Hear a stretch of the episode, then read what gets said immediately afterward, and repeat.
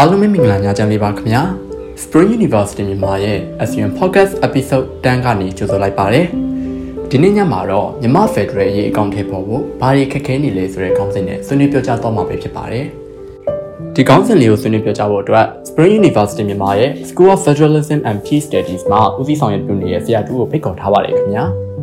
ဆရာမင်္ဂလာပါခင်ဗျာဟုတ်ကဲ့မင်္ဂလာပါခင်ဗျာဟုတ်ကဲ့ဒီ podcast ကိုနားထောင်နေတဲ့သူတွေကိုမိတ်ဆက်ပေးပါအောင်ခင်ဗျာ ဟုတ်ကဲ့နားထောင်ပေးနေကြတဲ့ကျောင်းသားကျောင်းသူတွေလူငယ်တွေနဲ့နားထောင်သူတွေအားလုံးမင်္ဂလာပါခင်ဗျာကျွန်တော်ကတော့လက်ရှိ Spring University မြန်မာရဲ့ School of Federalism and Peace Studies လို့ခေါ်တဲ့ဌာနခွဲလေးတစ်ခုမှာဦးဆောင်သူအနေနဲ့ဆောင်ရွက်နေတဲ့သူတစ်ယောက်ဖြစ်ပါတယ်ခင်ဗျာအခုလိုမိတ်ဆက်ပေးရတဲ့အတွက်ကျေးဇူးတင်ပါတယ်ဆရာဒါဆိုရင်ကျွန်တော်တို့ဒီနေ့ဆွေးနွေးဝိုင်းလေးရဲ့ပထမဆုံးမိကုံအနေနဲ့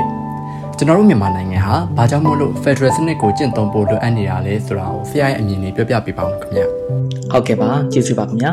ဆိုတော့မြန်မာပြည်မှာဘာကြောင့်မို့လို့ Federal စနစ်ကိုကျင့်သုံးနေရတယ်လဲကျင့်သုံးဖို့လိုအပ်တယ်လဲဆိုတဲ့အကြောင်းအရာကိုကျွန်တော်တို့ရှင်းပြဖို့ရန်အတွက်ပထမဦးစွာတော့ Federal စနစ်ဟာဘယ်လိုနေရာမျိုးတွေမှာရှင်းတန်တယ်လဲ Federal စနစ်ဟာဘယ်လိုနေရာမျိုးတွေမှာကျင့်သုံးဖို့ရန်သင့်တော်တယ်လဲဆိုတာကျွန်တော်စပြောကြည့်ပါမယ် theory concept တွေအများကြီးရှိတယ်အဲ့ထဲကမှသိတာမြင်တာအောင်ပြောရရင် Federal စနစ်ဟာစုံလင်ကွဲပြားမှုတွေများတဲ့ဒေသနဲ့နိုင်ငံတွေမှာရှင်းတန်တယ် နောက်တစ်ခါကျယ်ဝန်းတဲ့နေမြေရှိတဲ့နိုင်ငံတွေမှာကျင့်သုံးရတဲ့စနစ်မျိုးဖြစ်တယ်လို့ကျွန်တော်တို့လေ့လာမှတ်သားပူပါတယ်။ American လို့ကျယ်ဝန်းပြီးတော့ဆွန်လင်ကွဲပြားမှုများတဲ့နိုင်ငံတွေအိန္ဒိယလိုကျယ်ဝန်းပြီးတော့ဆွန်လင်ကွဲပြားမှုများတဲ့နိုင်ငံတွေမှာ Federal စနစ်ဟာကျင့်သုံးရင်အောင်မြင်ပြီးတော့အစိုးရရန်တရားကိုပြည်ထောင်စုလေပတ်မှုစနစ်အတွက်ကောအများကြီးအထောက်ပံ့ပြုတာကိုတွေ့ရပါတယ်။လူမျိုးစုတစုတည်းရှိပြီးတော့နေမြေကျောင်းမှု မရှိတဲ့နိုင်ငံတွေမှာတော့ Federal စနစ်ကိုမကျင့်သုံးမဲနဲ့တပြည်ထောင်စနစ်ကိုကျင့်သုံးလဲရနိုင်တာမျိုးရှိတယ်ဥပမာလူမျိုးစု အနေချင်းတစ်ခုကနေသုံးခုအထိတာရှိတဲ့ဂျပန်ကိုရီးယားနဲ့စင်ကာပူစင်ကာပူလိုနိုင်ငံမျိုးတွေပေါ့နော်စင်ကာပူကတော့လူမျိုးစုများတယ်ဒါပေမဲ့စင်ကာပူရီယန်ဆိုတဲ့အကြောင်းအရာအောက်မှာနေထိုင်ကြတာပေါ့နော်သူတို့နိုင်ငံမျိုးတွေမှာဆိုရင်တော့ Federal စနစ်ကိုကျွန်တော်တို့ကကျင့်သုံးဖို့တိတ်ပြီးတော့မလိုအပ်လာဘူးတပြည်ထောင်စနစ်ကိုပဲကျင့်သုံးကြတာကိုတွေ့ရမှာဖြစ်ပါတယ်မြန်မာနိုင်ငံကိုကြည့်မယ်ဆိုရင်စော်လင်ကပြတဲ့လူမျိုးစုရှိတယ်တိကျလူမျိုးစုတွေဟာတိကျနယ်မြေတိကျ ကိုယ်ဝယ်ယုံကြည်မှုတီးခြားဘာသာစကားတွေနဲ့တီးသက်တမိုင်းကြောင်းနေနဲ့ရည်တည်ခဲ့ကြတဲ့လူမျိုးစုတွေများစွာရှိပါတယ်။ဒီလူမျိုးစုတွေကိုကျွန်တော်တို့ကစုံလင်ကွဲပြားမှုကိုကျွန်တော်တို့ထိန်းညှိဖို့အတွက်ရန်နေရတစ်ခုလိုအပ်တယ်။အဲ့ဒီရန်နေရအဲ့ဒီစနစ်ဟာ federalism လို့ခေါ်တဲ့စနစ်ဖြစ်ပါတယ်။ဒီစနစ်နဲ့ထိန်းညှိတော့မှသာလျှင်စုံလင်ကွဲပြားမှုကအစဉ်ပြေပြေနဲ့ညီညွတ်တဲ့အားတစ်ခုနဲ့တိုင်းပြည်တည်ဆောက်ရေးမှာအာမြန်ဆန်တဲ့အရွေတွေကိုဖြစ်လာပြီးတော့ငြိမ်းချမ်းတဲ့ နိုင်ငံတစ်ခုငြိမ်းချမ်းတဲ့လူ့ဖွဲ့စည်းတစ်ခုတည်ဆောက်နိုင်မှာဖြစ်ပါတယ်ဒါကြောင့်မို့လို့ Federal ဟာမြန်မာနိုင်ငံကလိုအပ်တယ်လို့ပြောဆိုရခြင်းဖြစ်ပါတယ်ဟုတ်ကဲ့ပါဆရာဒါဆိုရင်ဆရာပြောသွားတဲ့အတိုင်းပဲကျွန်တော်တို့မြန်မာနိုင်ငံကမတူညီကွဲပြားမှုတွေအတူတကွတည်ရှိနေတဲ့နိုင်ငံဖြစ်တာကြောင့်မို့လို့ Federal စနစ်ကိုကျင့်သုံးဖို့လိုအပ်တယ်ပေါ့နော်ဒါဆိုရင်မြန်မာနိုင်ငံအနေနဲ့ကတင်းလျော်တဲ့စနစ်ကိုလည်းကျွန်တော်တို့တည်ထားပြီးဖြစ်တယ်ဒါပေမဲ့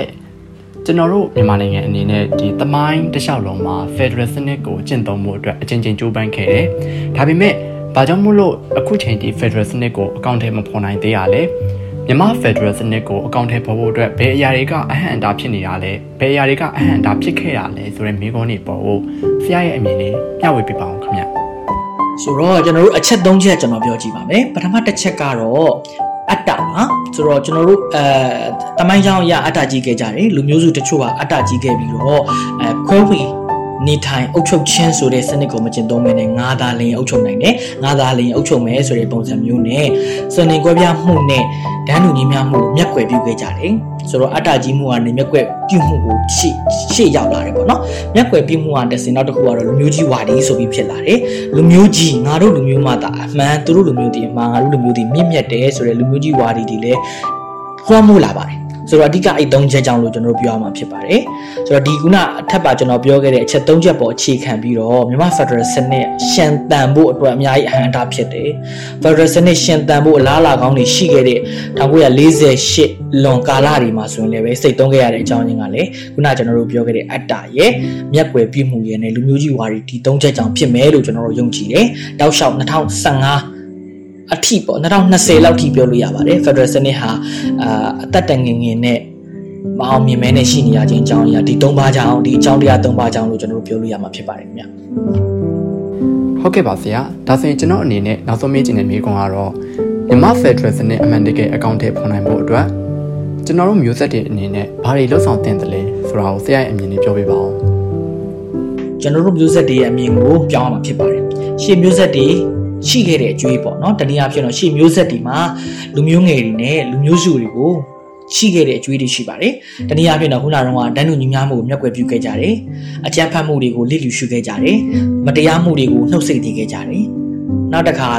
ဒန်းတူပေးညီဒန်းတူညီမျှစွာပေးရမယ်ဆိုတဲ့အယူဆတွေကိုမတိကျကြုံပြုခဲ့ကြတယ်။ဒါတွေကိုကျွန်တော်တို့မျိုးဆက်လက်ထက်မှာပြည့်ပြင်ရမှာဖြစ်ပါတယ်။ကျွန်တော်တို့မျိုးဆက်မှာဒန်းတူညီမျှရှိသောတာတူညီမျှရှိသောပြည်ထောင်စုစနစ်တည်ဆောက်နိုင်ရေးဆိုတဲ့စဉ်းစားချက်ပေါ်အခြေခံပြီးတော့လူမျိုးကြီးဝါဒီကိုလူမျိုးကြီးဝါဒကိုအမြင့်ကနေတွန်းလှန်ဖြတ်သိမ်းဖို့ရန်အတွက်ကျွန်တော်တို့တွေ Federal ပညာရပ်တွေကိုလေ့လာဖို့လိုအပ်တယ်လေ့လာမှုနဲ့အတူတူကျင့်သုံးဖို့လိုအပ်တယ်ကျင့်သုံးမှုနဲ့အတူတူလက်ဆင့်ကမ်း နောက်မျိုးဆက်တွေကိုမျှဝေဖို့လိုအပ်တယ်ဒါအပြင်ကိုယ့်ရဲ့အရက်ရွာအသီးသီးကိုယ့်ပတ်ဝန်းကျင်အသီးသီးမှာလည်းပုံစံမျိုးမျိုးနဲ့ Federal စနစ်ကိုကျင့်သုံးပြီးတော့ရေရှည်တည်တံ့ခိုင်မြဲအောင်ဆောင်ရွက်ဖို့လိုပါတယ်ဒါမှသာလျှင်ရေရှည်တည်တံ့ခိုင်မြဲပြီးတော့ငြိမ်းချမ်းပြီးဖွံ့ဖြိုးတိုးတက်တဲ့ Democratic Federal ပြည်ထောင်စုစနစ်ကိုကျွန်တော်တို့မျိုးဆက်ကစပြီးမျိုးစိချတည်ဆောက်နိုင်မှာဖြစ်တယ်လို့ယုံကြည်ပါတယ်ခင်ဗျာဟုတ်ကဲ့ပါဆရာအခုလိုကျွန်တော်တို့ရဲ့အစီအစဉ်မှာအချိန်ပေးပြီးပါဝင်ပေးရတဲ့အတွက်ဆရာကိုကျေးဇူးအထူးတင်ရှိပါတယ်ကျေးဇူးများတင်ပါတယ်ခင်ဗျာ ဒီ podcast ကိုနားထောင်နေကြတဲ့အကြောင်းသားလူငယ်အားလုံးကိုလည်းကျေးဇူးတင်ပါတယ်ခင်ဗျာမင်္ဂလာရှိသောနေ့လေးဖြစ်ပါစေ